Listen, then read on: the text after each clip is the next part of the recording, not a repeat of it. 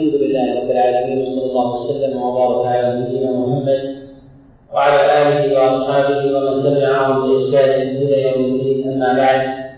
تقدم الكلام معنا على جملة من أشراط الساعة وعلاماتها. ونكمل في هذا المجلس وربما يجوز من الحديث إلى مجلس آخر بإذن الله تعالى. من أشراط الساعة مشابهة السند وطرائق الأمم السالفة من بني إسرائيل.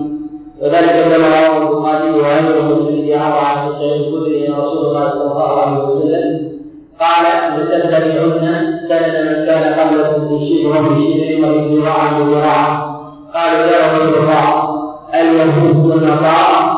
قال عليه الصلاة والسلام نعم. والمراد من هذا أن الأمة تقتدي بجملة من أفعالها وأقوالها على ضرائب وسند أهل الكتاب. وفي هذا المعنى إشارة إلى ضعف هذه الأمة وقوة أهل الكتاب بعدما أخبر رسول الله صلى الله عليه وسلم في جملة من الأخبار وقد تقدم الإشارة إليها من قوة هذه الأمة ومكانتها على أهل الكتاب. وذلك بإخبار كثير من الفجور وضعف المشركين والكفر على وجه العموم كما كان في ابتداء الأمر ويقول في ابتداء أمر الإسلام القوة وكذلك الانتصار. ولكن يتحمل ذلك ضعف في الأمة وهوان ووقوف إلى الدنيا وكذلك الطمع في مسائل الدنيا والآخرة. حتى يتخذ مع ذلك قرار أهل الكتاب من اليهود والنصارى. ولهذا أخبر رسول الله صلى الله عليه وسلم أن الاتباع إنما يكون لأهل الكتاب خاصة وهذا قد تقدم معنا فيما سبق الإشارة إلى ضعف أهل الكتاب في ابتداء الأمر وكذلك ضعف في ابتداء الأمر ولكن يتخلل هذا جملة من مواضع القوة لأهل الكتاب على أهل الإسلام.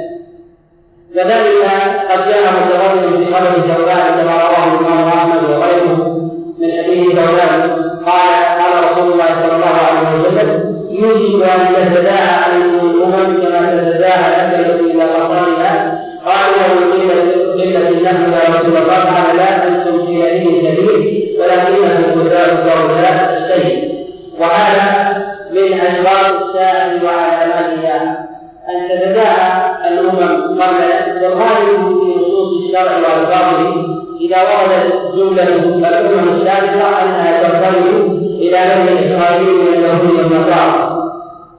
وإذا ورد إطلاق الأمم السابقة في كلام رسول الله صلى الله عليه وسلم من غير بينة صارفة فإنه يراد به يراد به اليهود والنصارى. وقد تقدم الإجماع إلى هذا إلى هذا المعنى. وكذلك الأمم يراد به تسلط اليهود والنصارى على هذه الأمة سواء في عقيدتها أو في سلوكها أو كذلك في أمنها واقتصادها وهذا مساهم في كثير من في كثير من الأعصار المتأخرة فظهرت كذلك الأمم على هذه الأمة باستباحة دماء كثير من المسلمين. وكذلك سفك الدماء والسيطرة على كثير من الأموال والممتلكات وبث الفرقة في بلاد المسلمين والتشكيك بكثير من من عقائد من عقائد المسلمين. وهذا من الأشراط التي ظهرت. وقد تقدم معنا الإشارة إلى أن أشراط الساعة الصورة أكثرها المحررون من أهل العلم كالبيهقي عليه رحمة الله إنه أشار في كتابه إلى العلم وكذلك في الشعراء قال وأكثرها ظهر يعني أشراط الساعة وهي من جهة العقل لم تظهر بتمامها ويأتي الإشارة وتقدم الإشارة معنا أيضا إلى جملة من أشراط الساعة التي التي لم تظهر في إعداد الصورة ويأتي الإشارة إلى الإشارة إلى ظاهرها ومن أسباب الساعة ظهور بركوب المنابر ويسجد ولهذا جاء عند الحاكم مسلمه وكذلك ما رواه الإمام أحمد بن حديث عبد الله بن عن ابيه عن عيسى بن الله الصدفي عن عبد الله بن عمر أنه قال قال رسول الله صلى الله عليه وسلم لا يقبلن رجال من أمتي الملائكة. وجاء في رواية سلوك كاشفات الرحال يقفون عند أبواب المساجد. نساء كاسيات عاريات. رؤوسهن كاسمة البرج العنهن فإنهن ملعونات في هذا الخبر جملة من المسائل منها ما يتعلق بهذا الباب ومنها ما هو متعلق بمسائل بمسائل عامة ما يتعلق بهذا الباب من أشراط الساعة ما أخبر النبي عليه الصلاة والسلام. قال يركبون على الميادين كأشباه كأشباه الرحال. في قول عليه الصلاة والسلام الميادين كأشباه الرحال؟ إشارة إلى أن النبي عليه الصلاة والسلام لم يرى عدة الدواب يشترك ولهذا شبهها بالرحال. والراحل هي الدابة من من الإبل التي يوضع عليها السرود والبرد فتركب فتكون شبيهة فيها ولكن عليها ميادة والميادة هي ما يجلس عليه من القطر أو ما يجلس عليه من الحرير يجمع على لفظ على لفظ ميسرة إشارة إلى التناول وقد يشار إلى هذا المعنى إلا أن المراد بذلك هي الدواب التي تركب في وقتنا هذا تسمى بالسيارات أو ما قبل ذلك مما تسمى بالعربات وهذا من دلائل نبوته عليه الصلاة والسلام. وقد تضمن هذا جمله من وقد تضمن هذا الحديث جملة من المسائل منها الإشارة إلى وقوف هذه المنازل عند أبواب المساجد ونزول الرجال ونزول الرجال منها. ونساؤهم إذا يقع في هذا الخبر بتمام الانسياب معهم. ولكنهن للكاسبات العاليات رؤوسهن كاسبات للزوج يلعنهن فإنهن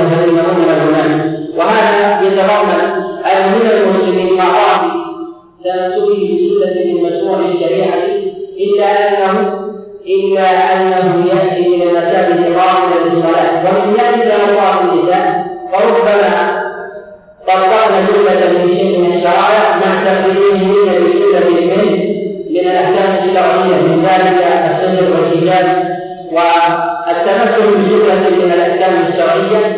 ليس بضد ما ترك ليس التمسك بجملة من الأحكام الشرعية لا يعني وجود النص في المسلمين وكذلك المسلمات. وفيه يعلم أن كثيرا من المسلمين سواء كان من الرجال أو من النساء يتلبسون بجملة من أعمال الخير وجملة من أعمال الشر وهذا يظهر في زماننا كثيرا وقد أشار إلى هذا معنى رسول الله صلى الله عليه وسلم في جملة من الاخبار بقوله سعد سعد ويمكن وهذا الحديث شاهده في صحيح مسلم كما تقدم الكلام عليه صنفان لم ارهما وذكرنا الكلام عليه في هذا الباب. وكذلك جمله من المسائل التي وردت التي وردت فيه. ومن اشراط الساعة صدق رؤيا المؤمن. وهذا قد جاء عند الإمام مسلم عليه رحمة الله من حديث محمد بن سيرين عن أبي هريرة رسول الله صلى الله عليه وسلم قال في آخر الزمان لم تكن رؤيا المسلم أن تكذب والمراد من هذا أن المؤمن وإن كان ناقصا من جهة العقل في الإيمان إن كان يتلبس بشيء من الوجود إلا أنه من إيجاد الكفر والفسق في أهل عقله إمدادا بقدر الإيمان لهذا جاء رسول الله صلى الله عليه وسلم كما يدل وغيره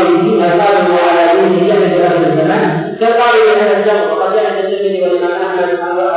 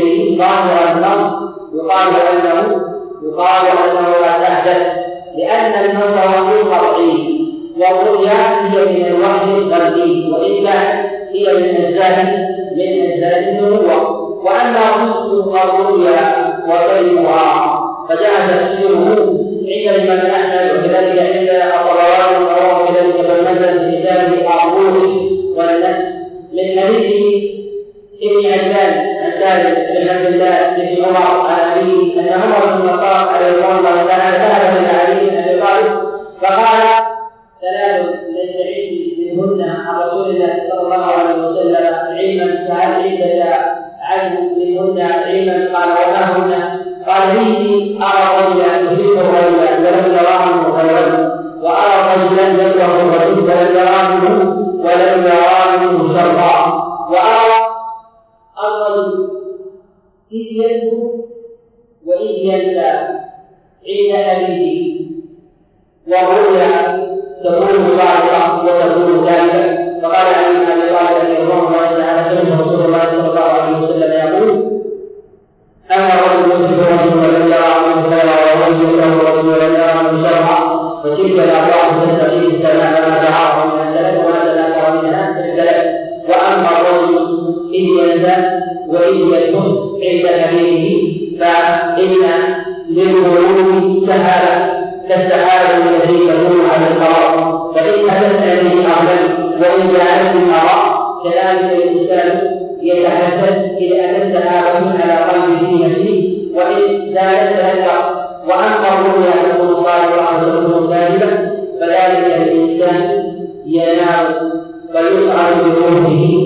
فإن بلغت السماء قبل أن تسال الشياطين سبقت وإن لم تبلغ السماء حتى سالتها الشياطين ثلاثة وهذا الخبر قد رواه أزهر برواية محمد بن عجلان النسائي بن أبيه عن عبد الله بن أحمر وروي بغير هذا الوجه عن سالم بن عبد الله بن عمر وروي بغير له في أكثر منه فرواه ابن ماجه في كتاب الروح والنفس وكذلك رواه الأتم من هذا الإمام أحمد رحمه الله كتابه في كتابه المسند وفي هذا إشارة إلى أن الأمر هو الأمر في أو الأمر هو هو الأمور الدولية فلذلك للإنسان أن يقطع به وإنما تكون من أبواب من أبواب الاستئناس يستأنس بها الإنسان في أموره ما لم يكن ثمة نص نص شرعي ولهذا يذكر عن بعض السلف أنه جاءه رجل فقال له إني رأيت النبي عليه الصلاة والسلام في المنام فقال لي إن رمضان غدا.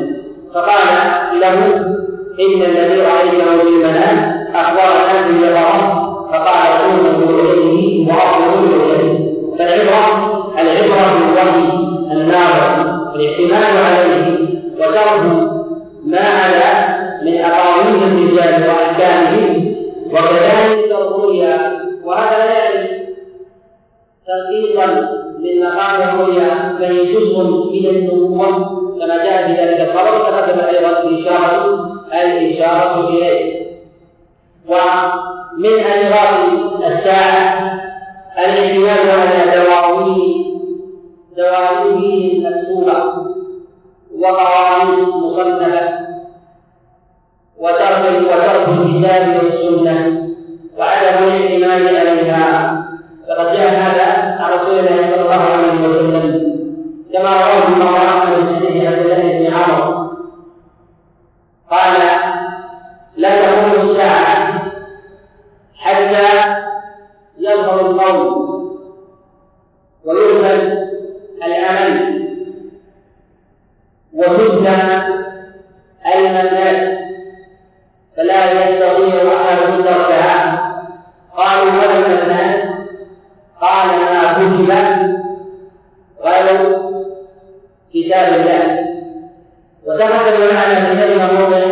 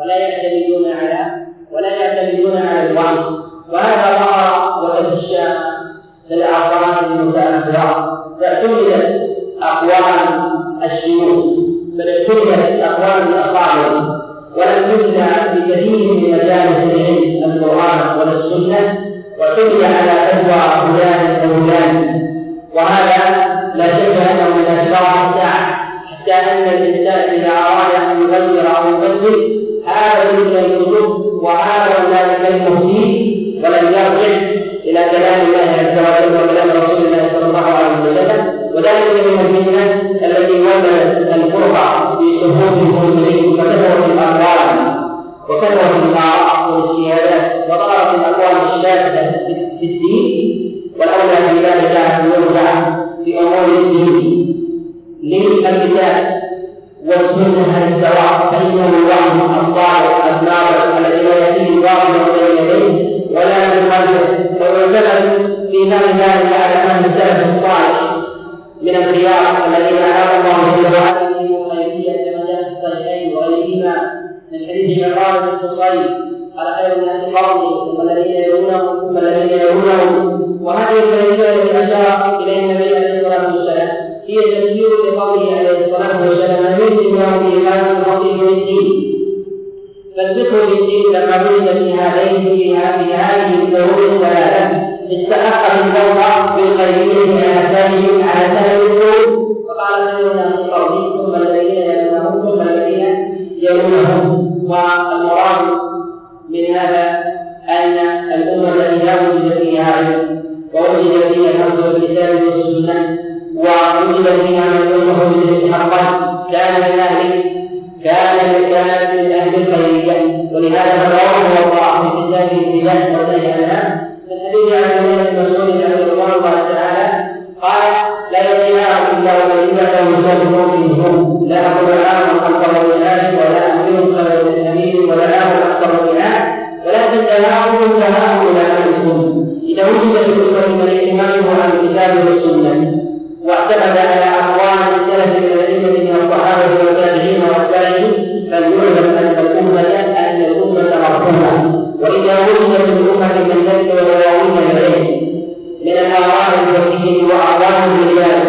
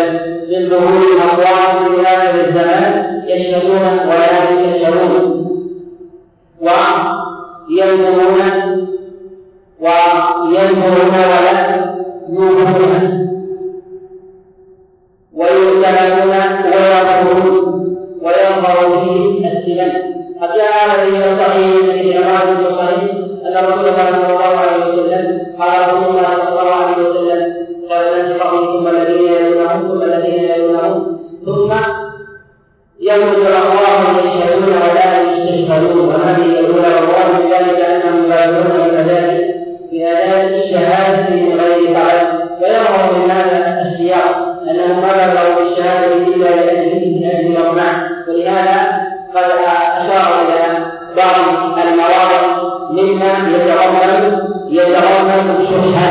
وذلك أن الإنسان إذا نذر ولم يؤمن بالذي إشارة إلى شوقه من جهه كفارة الإيمان.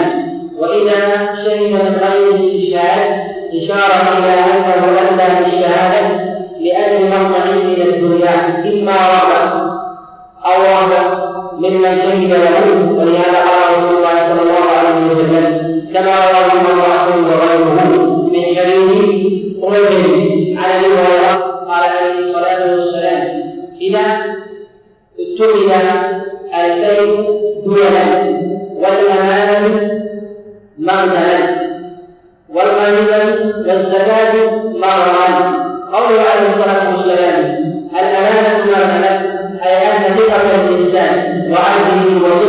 يؤخذ يؤخذ ويجعل من الأمور التي يتكسر بها يتكسر بها الإنسان بجوفه ولبسه وهذا مشاهد. فكثر من السنة المتاخره من يشهد على يزن ومن يزكي الرجال لأجل ملاهب ومصالح وحدود نفس. وظهر كذلك من جعل صدقه رغبة في المشي. وهذا لا يخرج عن المغنى بأن المغنى عام سواء من المغانم المعنوية أو المغانم المادية وهو متضمن أيضا لقصد كثير من الأعمال لغير الله جل وعلا وهذا هو الرياء. ولهذا جاء في الحديث المروي عند الإمام أحمد من حديث أبي هريرة قال وأن العلم لغير الدين يعني لغير الله جل وعلا فإذا انتشر هذا وظهر الناس فإن هذا من أسرار الساعة من أسرار الساعة وعلاماتها ومما ذكره هنا قال ويظهر فيه السنن. وفيه إشارة إلى طلب العيش. ورغم العيش ظهر في الأمة ولم تشغل الأمة بمهماتها العظيمة. ظهر في الأمة السنن. وقوله ظهر إشارة إلى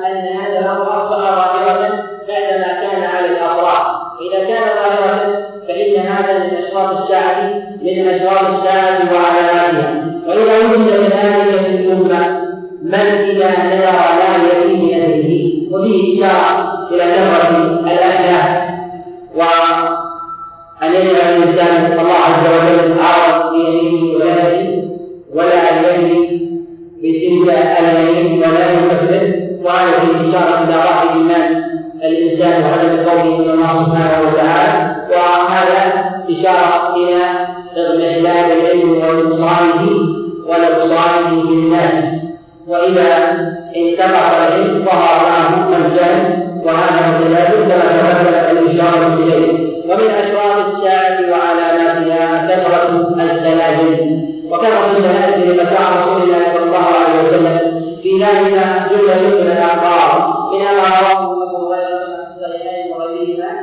لا تقوم الساعة حتى يكثر القتل وتظهر السلاسل والمراد بالزلازل يحمل على الزلازل المعروفة. وما يفسر به بعض من يتكلم في أسرار الساعة على أن المراد بالزلازل هي الفتن على وجه العموم. يقال أنه ليس المراد بذلك بوجوه متعددة أولها أن تخصيص الفتنة قد جاء في كلام رسول الله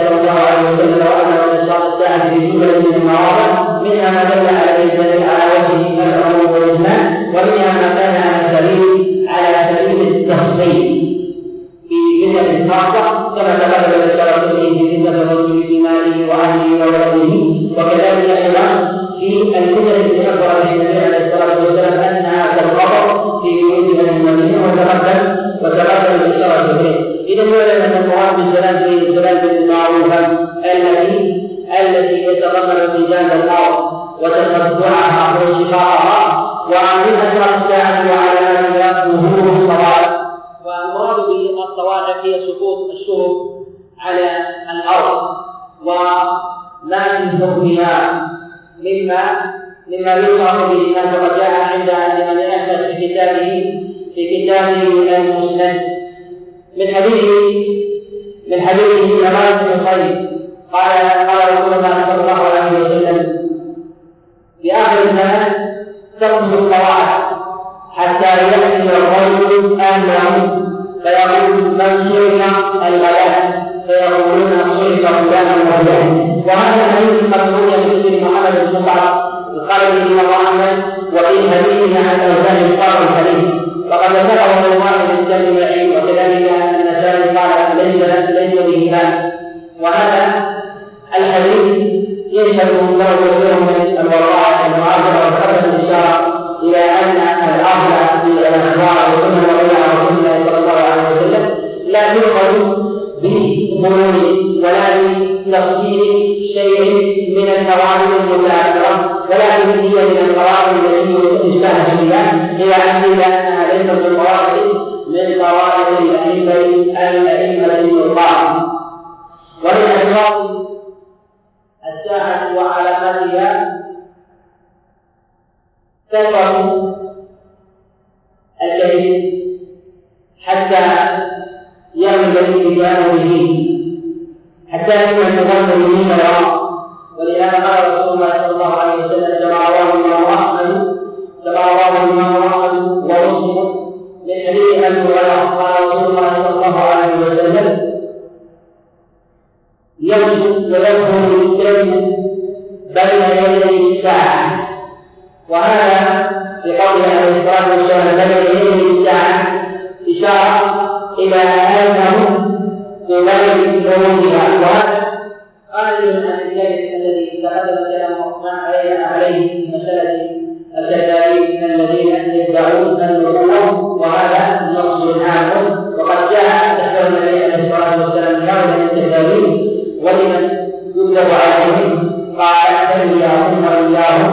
لا يؤمنون ولا يكذبونه يعني لا يؤمنون عن طريق الحق. وهذا قد يرون لكلمة لكلمة عامة بأقوالهم وأفعالهم ومتضمن لإثباته في العلم. بإظهار الأقوال ونشر الشريعة وشيئا منها وقد تقدم الإشارة إلى هذا الأمر. رسول الله صلى الله عليه وسلم فيما رواه الإمام أحمد. من حديث عيسى الهلال أخذني عن عبد الله بن عمرو قال إن من أشراط الساعة أن يظهر القول ويظهر العمل وهذا فيه إشارة إلى كثرة الدعاوى التي لا يصدقها العمل. وهذا متضمن في ظهور بعض فإن الذي يقول ولا يعمل هذا من صفات من صفات المنافقين. وقوله الله أن ينتهي ويفهم الناس حتى لا يكاد يسلم حتى لا يكاد يسلم منه يسلم منه أحد. ومن أشراط الساعة وعلاماتها أن يكرر الرسول العز اتقاء لفحشه قد جاء هذا عند الإمام أحمد في مسنده من حديث ابن أبي هريرة أن رسول الله صلى الله عليه وسلم قال من أشراط الساعة أن يكرم الرجل اتقاء فحشه يعني لسلطته وتسلطه على الناس إما أن يكون صاحب سلطان أو صاحب مجال من مال أو أن يكون الرجل صاحب لسان مثل ما تحسب كما جاء عن رسول الله صلى الله عليه وسلم في الصحيح من حديث عائشة قال إن شر الناس من ترك الناس استطاع استطاع وجهه. وقد ذكر النبي عليه الصلاة والسلام بعض الناس من أجل هذا المقصد ولكن إذا كان هذا الأمر ظاهرا في الأمة فإن هذا من علامات من علامات الساعة وأشراطها. ومن أشراط الساعة وعلاماتها ارتفاع الأصوات في المساجد وفيه تضمن لعدم توقيع المساجد وإكرامها. وهذا قد جاء النبي عليه الصلاة والسلام هذا القرار من حديث عمر عن ابي هريره وقد جاء ما عند ابن أبي شيبه في كتابه المصادر من حديث نجم عن عبد الله بن عمرو قال لا تكون الساعة حتى يجتمع الناس في المساجد وليس فيه وليس فيه قومين. فإذا الصوت في المساجد وهو منافي وهو منافي لاحترام المساجد وتوحيدها فإن هذا من علامات الساعة. و ولعلامات الساعة أن تتخذ المساجد قربا يعني يمر الناس عليها عبورا سواء بالدخول عليها ومؤمنين من غير الصلاة أو الخروج عليها من غير من غير أداء الفريضة إما لأمر من أمور الدنيا ومصالحها أو طلب المنزليات والسمع وغير ذلك من الأغراض السيئة. ولهذا قال رسول الله صلى الله عليه وسلم كما رواه القرطبي وغيره من حديث عامر صاحب الشعب عن أنس بن مالك قال إن من أشراط الساعة أن تستخدم المساجد طرقا وقد جاء ذلك عند الطبراني من حديث أبي زناد بن عامر بن هريره عن أبي هريرة بنحوه ومن أشراط الساعة وعلى ما يسمى بانتفاخ الأهلة أن يرى الهلال قبلا يعني بأمر الحدود يظن أنه ليلتين وهذا الحديث رواه وقد رواه الدار في كتاب السنن وكذلك وقد رواه في العلم موصولا مرفوعا وصورا إرساله من حديث عامر عن أنس بن مالك وجاء أيضا من حديث عامر الشافعي عن رسول الله صلى الله عليه وسلم والأقوى وجاء مرسلا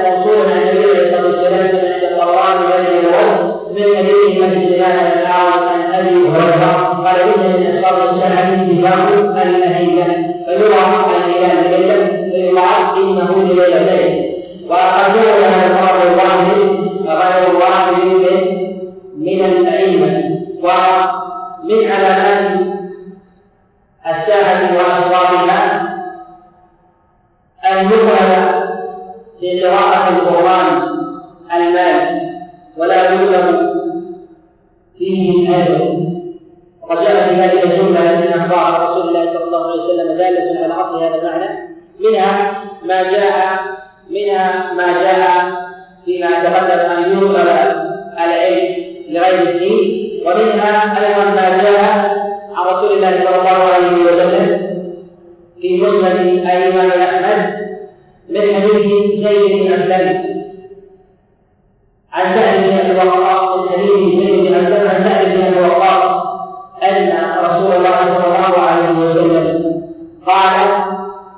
لا تسألوا الناس بالقرآن فإنه سيأتي أقوام يسألون الناس بالقرآن وهذا الحديث متضمن لمجموعة من المسائل المسألة الأولى إلى أهمية النية والقصد. وأن الإنسان إذا طلب العلم لغير الله فإنه قد وأشرفها عند قصدا سيئا فتأخر ذلك المقصد والعقاب الأليم فإن أولئك من أول من تسعر بهم النار يوم القيامة. ومتضمن أيضا مسألة مهمة يستخدم ويحتاج إليها في زمننا وهي أمر ما يسمى بالمكافآت المالية. أو المالية على وجه العينية على وجه الرجل هل ذلك من المحمود أم لا؟ أولا إذا كان قصد الإنسان من غير سرعة فإن ذلك مما لا حرج لا حرج فيه ولهذا قد جاء رسول الله صلى الله عليه وسلم كما في صحيح حديث أبي سعيد الخدري ان النبي عليه الصلاة والسلام قال احق ما اخذتم هذه الاجر كتاب الله ومتضمن أيضا هذا الحديث إلى أن الإنسان إذا أخذ أجرا على كلام الله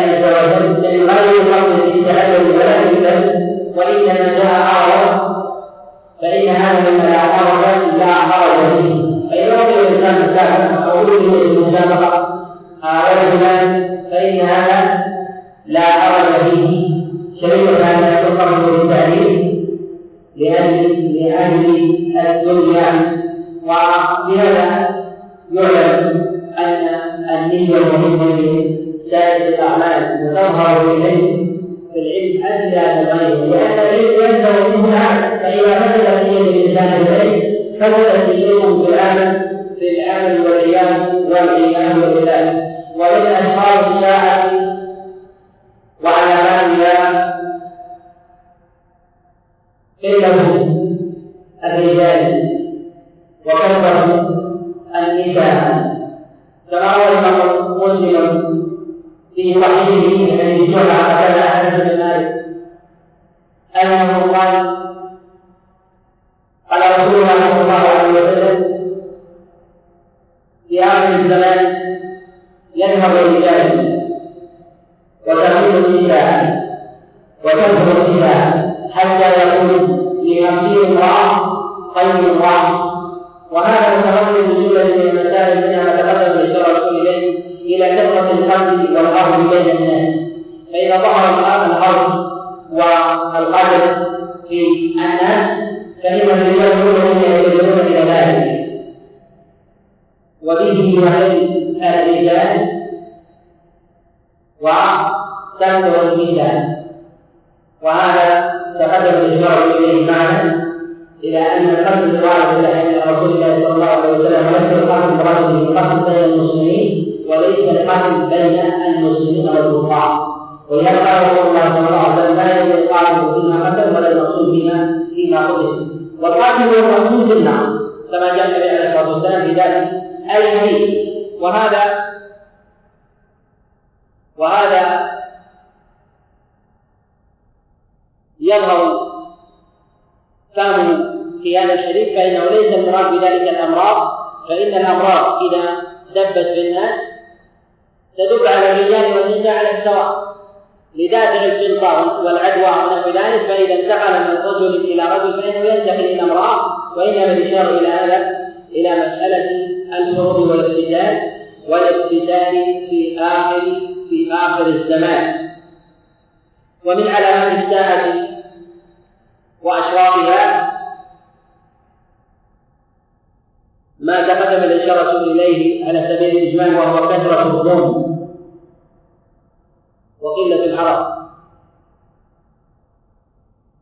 وهذا قد جاء النبي عليه الصلاة والسلام في صحيح الإمام مسلم من حديث المستورد أبي شداد وجاء في صحيح الإمام مسلم وجناح من حديث جابر بن عبد الله من حديث ابن جريج عن ابن الزبير عن جابر بن عبد الله قال ليوشكن أن يضر الناس من الدجال إلى الجبال. قالت أم شريك يا رسول الله والعرب أين هم يومئذ؟ قال رسول الله صلى الله عليه وسلم هم يومئذ قليل. هم يومئذ قليل. في حديث المستورد عليه رضوان الله تعالى قال تقوم الساعة وهم أكثر الناس.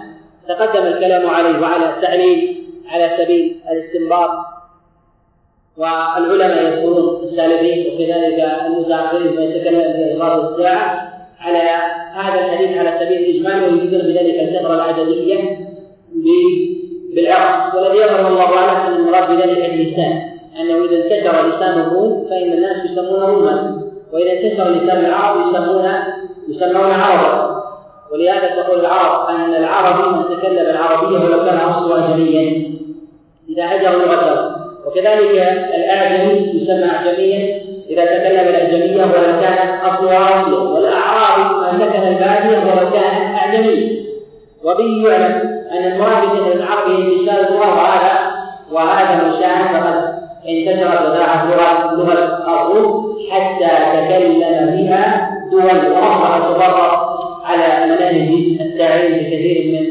الدول التي طالها الاستعمار في كثير من البلدان ونحو ذلك بل من البلدان التي أصلها يتكلم العربيه بعد فتوحات الإسلام كانوا يتكلمون العربيه فلما طالها أو نالها الاستعمار تكلموا بكلام العجم منهم من يتكلم بالفرنسيه ومنهم من يتكلم بالانجليزيه ومنهم من يتكلم بالبرتغاليه وغيرها من من اللغات وهذا اصبح امما وإن كانوا وإن كانوا يتكلمون وإن كانوا وإن كان أصلهم من العرب ومن علامات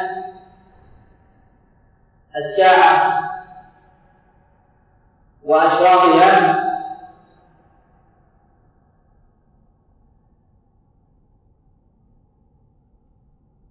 ما جاء رسول الله صلى الله عليه وسلم من نطق الفترة بأمر العامة. وهذا قد جاء رسول الله صلى الله عليه وسلم من حديث أنس بن مالك كما رواه الإمام أحمد من حديث محمد بن منكدر عن أنس بن مالك. قال إن بين يدي الساعة سنين خداعه يكذب فيها الصادق ويصدق فيها الكاذب. ويقوم فيها الأمين ويؤتمن فيها الخائن وينطق فيها الرويبضة قالوا وما الرويبضة قال الرجل الناس. وجاء في لفظ الرجل الثالث يتكلم بأمر العامة يعني بأمر المسلمين. يتكلم بأمر المسلمين. وهذا ظاهر في كثير من بلدان المسلمين من تصدر كثير من الفترة لمنابر الرأي والإعلام فتكلموا بمسائل الاعتقاد وشككوا في كثير منها وطعنوا في كثير من المسلمات في أبواب الأخلاق وأبواب القيم. فضلا عن أحكام الشريعة فرأينا من يتكلم على عقيدة الولاء والبراء. ورأينا من يتكلم على مسألة الكفر والبغض بين المؤمنين والمشركين. ورأينا من يتكلم في مسائل الجهاد وليس منها. ورأينا من يتكلم في مسائل الأخلاق وينفي حرمة الاختلاط ويشكك في الحجاب وأنه ليس من الدين بل من عادات العرب التي ورثوها عن السلف وهذا لا شك أنه من نصر الهريره والفترة الذين ظهروا في كثير من الميادين وهذا شامل لجميع أبواب الدين. فلا يخلو باب من أبواب الدين من نصر الرويبضات من نصر الرويبضات به. ومن أشراط الساعة وعلاماتها هلاك قريش. وقد جاء ذلك عن رسول الله صلى الله عليه وسلم من حديث إسحاق عن أبي عن عائشة رضي الله تعالى قال دخل علي رسول الله صلى الله عليه وسلم فقال يا عائشة إن قومك أول الناس لي لحوقا قالت عائشة عليه الله تعالى جعلني الله يا الله لقد قلت كلاما بعرني فقال رسول الله صلى الله عليه وسلم نعم إن أول الناس لحوقا في الأرض يتتلذذ بهم المنايا يعني أنها تفتك بهم. قال والناس يومئذ؟ قال فيه درن يأكلهم يأكل القوي منهم الضعيف. وهذا علامة وشرط آخر من أشراط الساعة وقوله درن يأكل فيه يعني يأكل القوي الضعيف إشارة إلى تسلط أهل الأهواء. سواء من أرباب الجاه أو السلطة أو أرباب القوة الجسدية بأخذ أموال الضعفاء قسرا وتعدى ذلك إلى القتل. ولهذا أشار إليه قال دول يأكل فيهم إشارة إلى إلى أن فيهم القتل كما أن قريش دب فيهم الموت. وهذا إذا ظهر في الأمة فليعلم أن الأمة لا قداسة لها ولا تعظيم وهي هينة عند الله. ولهذا قال رسول الله صلى الله عليه وسلم فيما رواه الطبراني وغيره من حديث الأعمش عن ابي صالح عن ابي سعيد الخدري قال جاء رجل إلى رسول الله صلى الله عليه وسلم اعطاه دينا له فقال النبي عليه الصلاة والسلام في دينه فقضاه دينا ثم قال لا ألبس الثمة لا ألبس الثمة لا يأخذ الضعيف حقه من القول غير مزعزع والمراد من هذا النفي القدسية عن الأمة.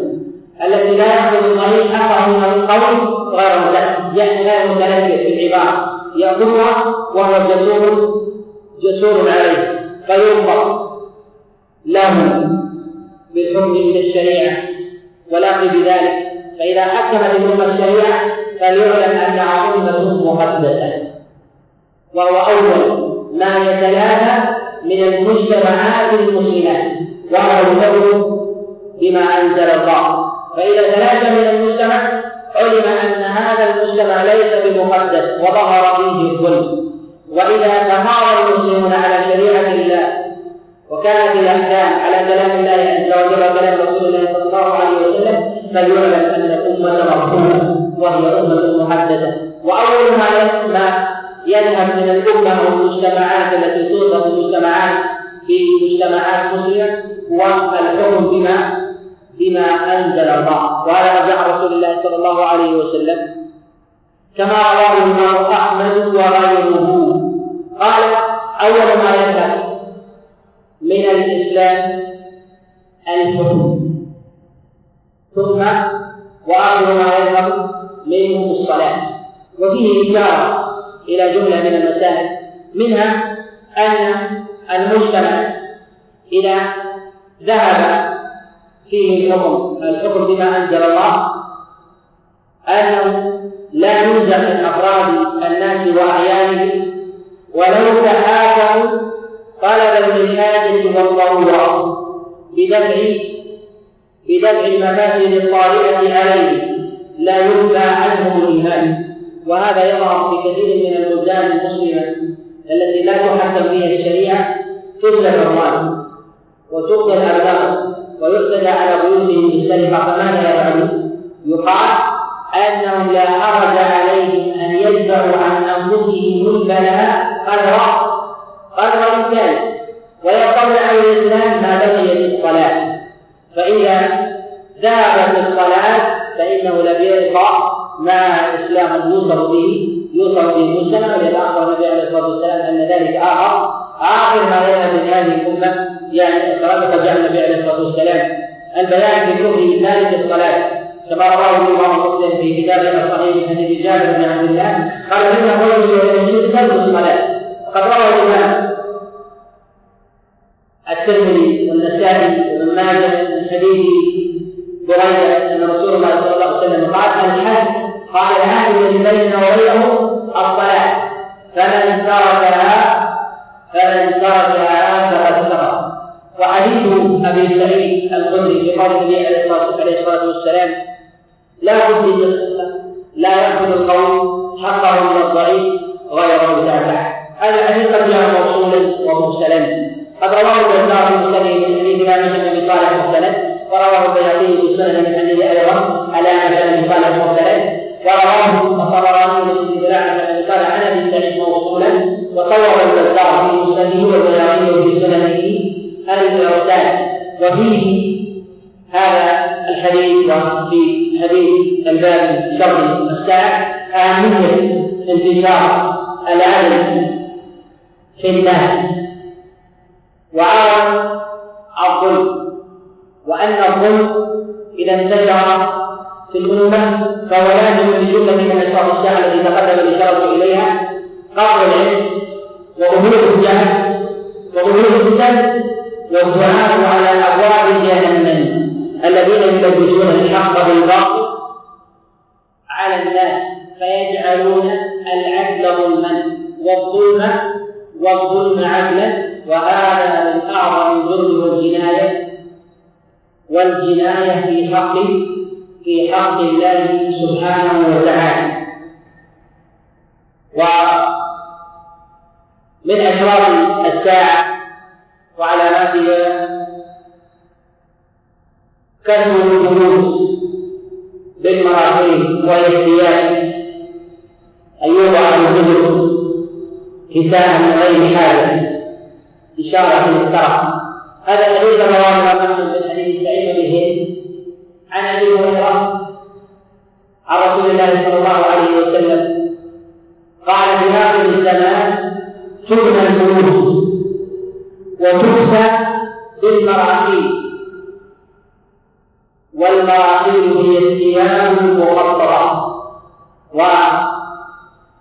الثياب المراد بها الستر التي توضع في البيوت من غير حاجة ولا توضع سدة اللباس أو قوة ونحو ذلك انما توضع من غير حاجة. ولعله يدخل في هذا أيضا الاقمشه التي توضع على الحوائط وتكسى وتكسى في الحوائط والانزار ونحو ذلك. وهذا متضمن للترف كثرة الماده بايدي بايدي الناس. وهذا تقدم معنا في في على سبيل الاجمال بقول النبي عليه الصلاة والسلام والكبار حتى الرجل 100 دينار ويظل ساخطا.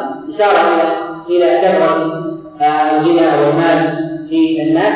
ومن اشراط الساعة وعلاماتها تنافر الناس لبعضهم تنافر الناس لبعضهم وهذا قد جاء عند الإمام أحمد وغير الشريف حذيفه ابن اليمان عليه الله تعالى قال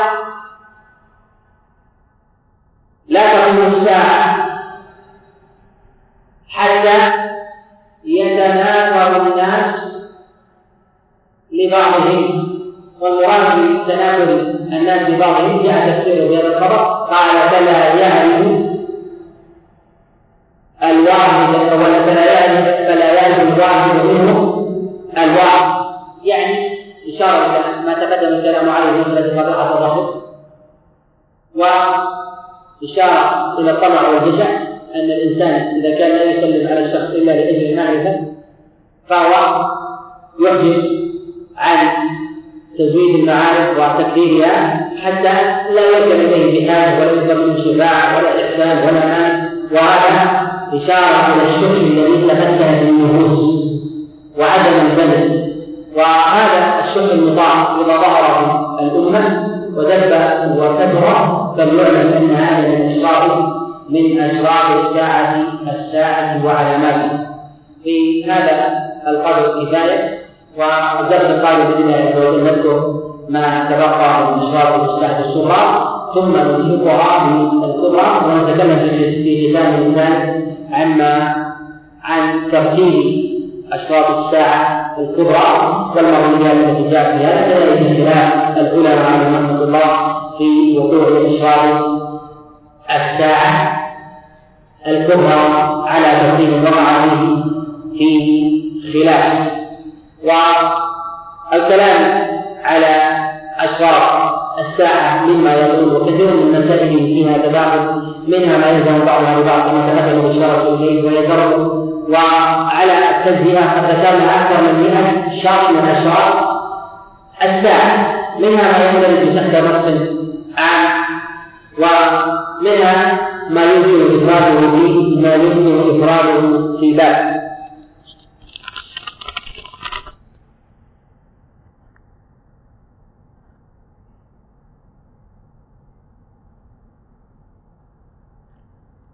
يقول هنا ما صح الحديث ما بين يدي الساعة سنوات خداعات هذا الحديث قد رواه الإمام أحمد والترمذي من حديث محمد بن إسحاق عن محمد بن المنكدر عن أنس بن مالك. قد جاء من غير هذا الوجه ولا بأس ولا بأس به. وأصله أصله في الصحيح. تقدم معنا الكلام عليه.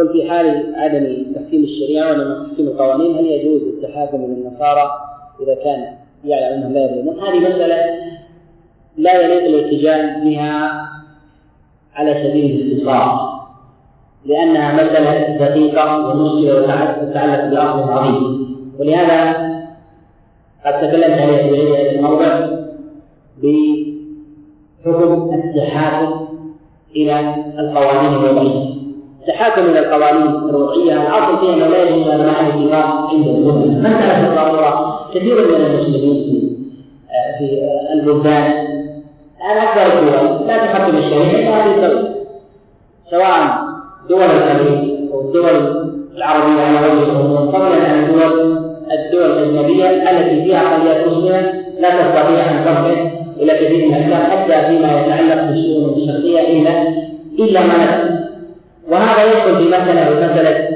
توافق القوانين الوضعية مع الشريعة توافقت الظاهر كذلك أيضا في في مسألة دفع المظالم هل يتقابل لأجل دفع المظلمة؟ الإنسان حينما يقطع عليه دولة يسلم ما له في دولة لا فيها الشريعة ماذا يفعل؟ هل يترك المال؟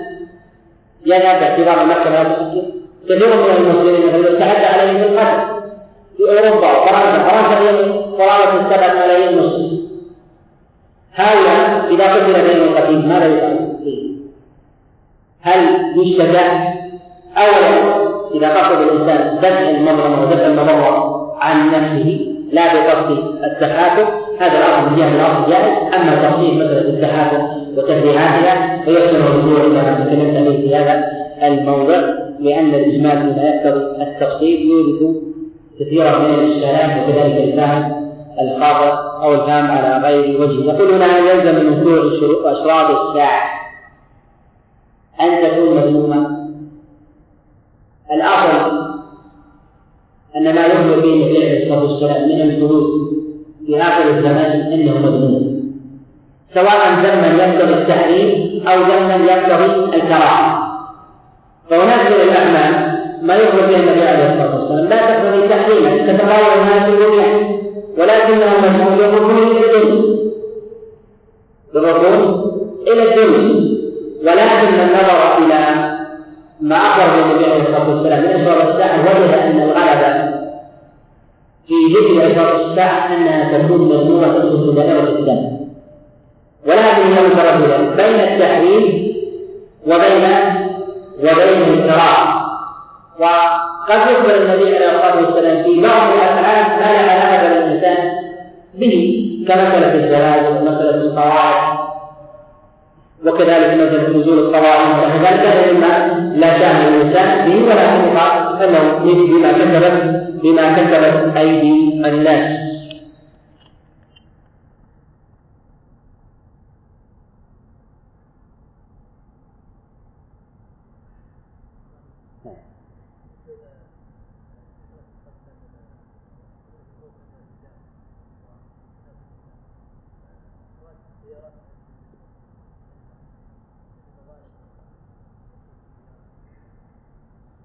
ولن تدخل الحوادث في كثرة وفيات الرجال. من نظر إلى الإحصائيات يجد أن الرجال هم أكثر الناس يموتون من الحوادث وذلك أنهم هم الذين يساهمون. والنساء الفطرة خلابة وإن إلى إكرام من ذلك. فطرة خلابة أن تريد الدعوة والركون إلى قرار في قال النبي عليه الصلاة والسلام يكثر الرجال يقل الرجال يذهب الرجال وتكثر النساء هذا في المسلمين وتقدم الإشارة إلى آخر من أخبر النبي عليه الصلاة والسلام من الساعة الاصل فيها أنه في المسلمين والعرب ولا أن الله قريبا أو مسلم بنفس بنفس بعض يدخل في الحوادث يدخل في موت الفجع ويدخل في موت الفجع أيضا الحوادث. والسكتات القلبية في الأمراض التي ظهرت فيها الناس.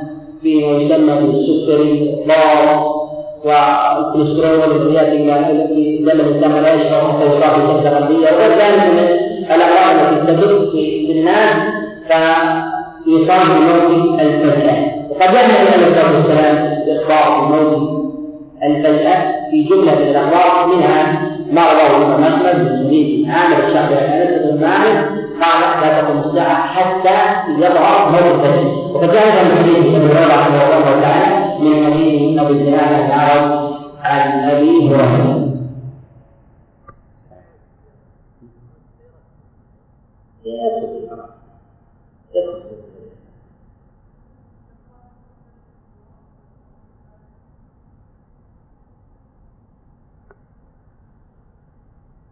لا يظهر هذا لا يظهر المكبرات تكون في داخل ذلك لأن رفع الصوت في المساجد المذكور في الخبر المراد به وعدم تطهير المساجد. عدم تطهير المساجد.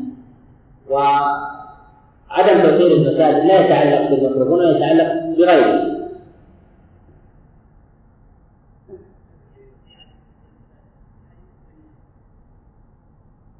الحديث في الدنيا ان نعلم ان المساجد إنما بنيت لذكر الله. هذا هو الأصل. وما كان تبعا لذلك على سبيل التبع.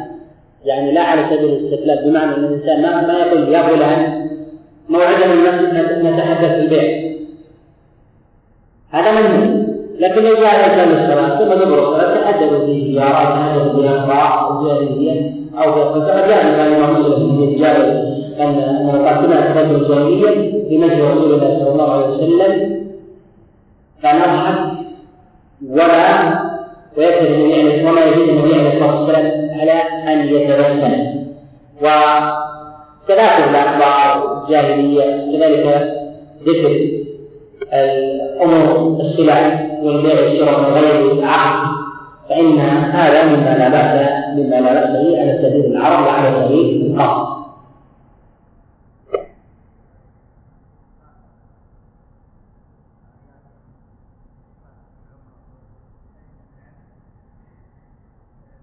الذي تقدم معنا مسألة اللعن مرارا في مسألة لحم الزواج إذا جاء النص عن رسول الله صلى الله عليه وسلم في لعن موصوف. كما هم تفعلهن فإنهن ملعونان. هل تلعن المرأة بذاتها؟ جمهور العلماء على فعل وهذا هو الأول. هذا هو الأول. ولكن لا حرج على الإنسان أن يعرف إذا جاء مثلا ذكر ذكر امرأة سافرة أو ذكر شخص مرابي من غير التنصيص على اسمه قال لعنة الله على آكل الربا إذا جاء ذكر ظالم قال لعنة الله على الظالمين. إذا جاء ذكر امرأة أو شخص أو شخص يأكل مال اليتيم يقال لعنة الله على أكل مال اليتيم. ونحو ذلك من غير تنصيص يلعن الله ولا يلعن الشخص ذلك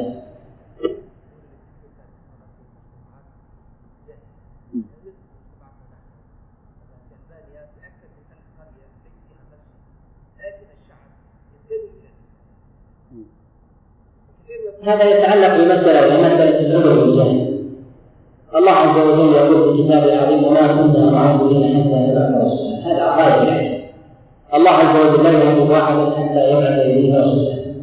ويقول الله تعالى مبلغا نبيه وإن قال وإن أحد من المشركين استجار فبعثوه حتى يسمع كلام الله. ثم عذبه لا بد من البلاء. حتى يوصف الإنسان بأنه كان ويطبق عليه ذلك حكم وقال أن الأصل في من لم تبلغه الحجة ممن هو منتسب للإسلام أنه لا الإسلام وثبت خلاف بين العلماء في من وقع في تلبس بالشرك ولو لم يكن الحجة هل يستحق اسم الشرك أم اسم الإسلام؟ هذا هو الخلاف و قول عند الأئمة من السلف أنه كان ولو لم تكن الحجة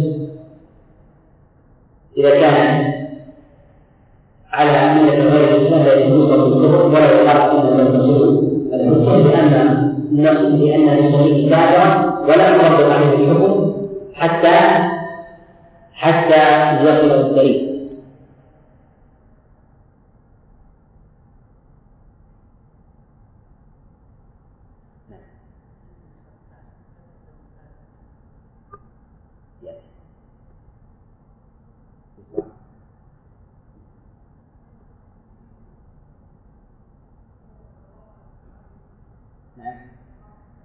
كيف؟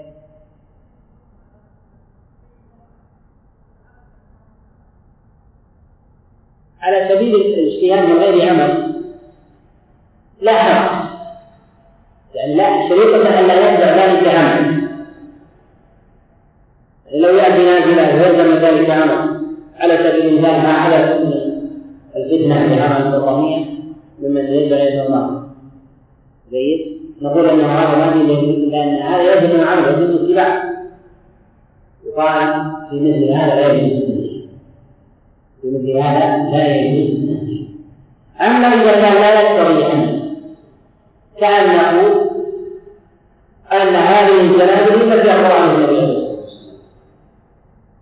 أو بالقراءه الشروريه التي اخبر بها النبي عليه الصلاة والسلام. فهذا مما مما لا حرج فيه. وقد اجتهد عمر بن الخطاب في مشهد النبي عليه الصلاة والسلام في المسجد في قصه الصيام فقال انه مسجد فجر ومع وجود النبي عليه الصلاة والسلام.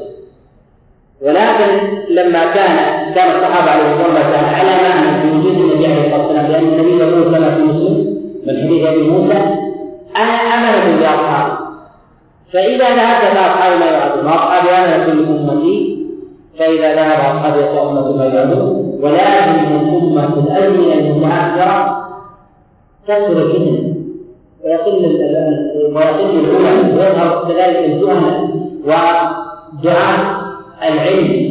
ونحن نشاهد هنا التلبيس على مسلمات الشريعة العظيمة فكيف قضايا قضايا نازلة وثمت الإشارة كما روى الإمام مسلم في حديث حسين قال هنا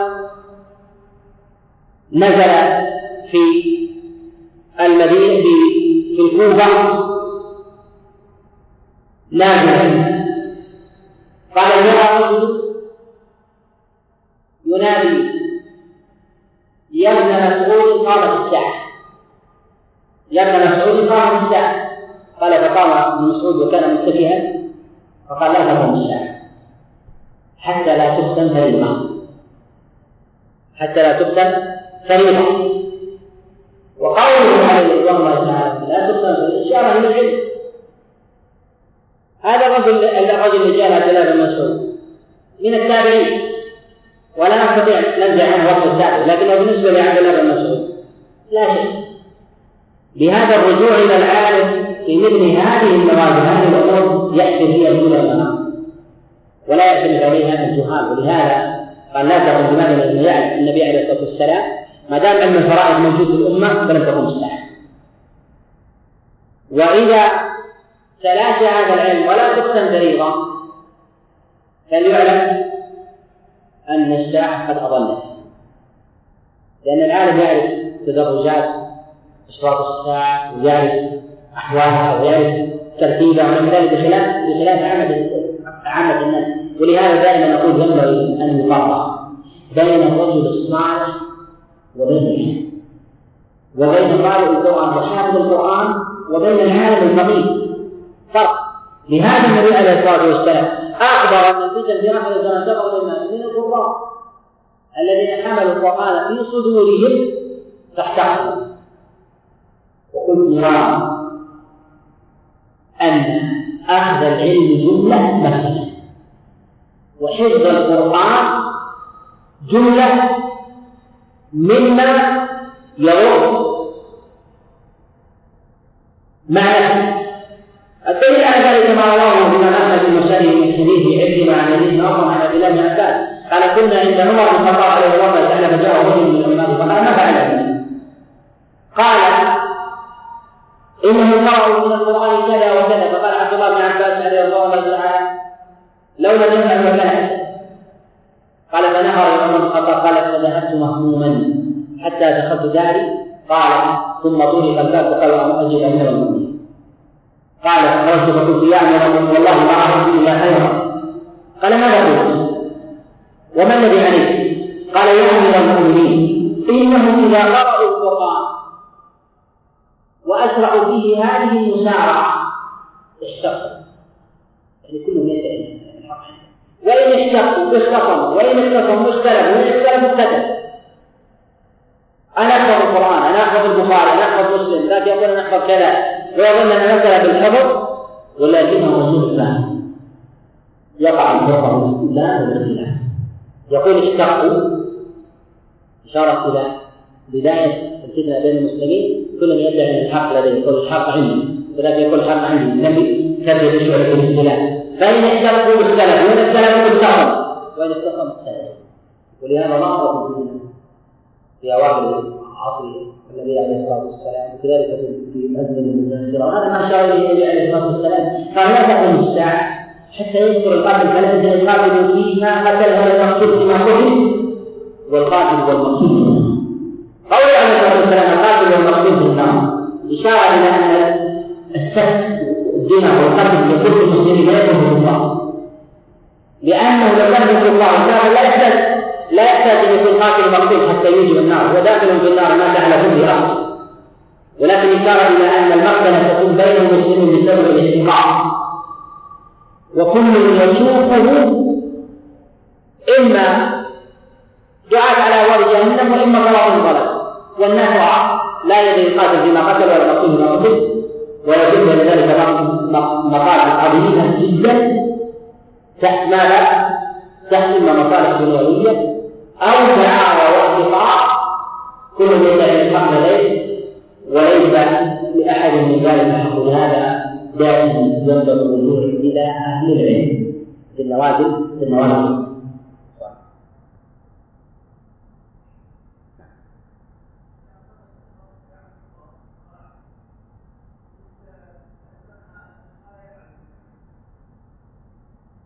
النبي تقدم الكلام معنا في المجلس الأول ان اشراط الساعة هي تزيد من إيمان الإنسان وتخص ولهذا النبي عليه الصلاة والسلام يقول بادروا بالاعمال سبع وفي رواية ستة. المبادرة بالاعمال هي المقصد من ورود هذه الفوائد الاسلام منها موت الفجر والزلازل والأمراض والافتتان والفتنة؟ لأن الإنسان لا يدري متى تنزل فمامور باقدام العباده والطاعة حتى يكتب الله عز وجل على ذلك. وأن إذا استحكمت الفتنة في الأرض لولا الإنسان أن يعتذر بذلك. ذلك صلى الله عليه وسلم وبارك على نبينا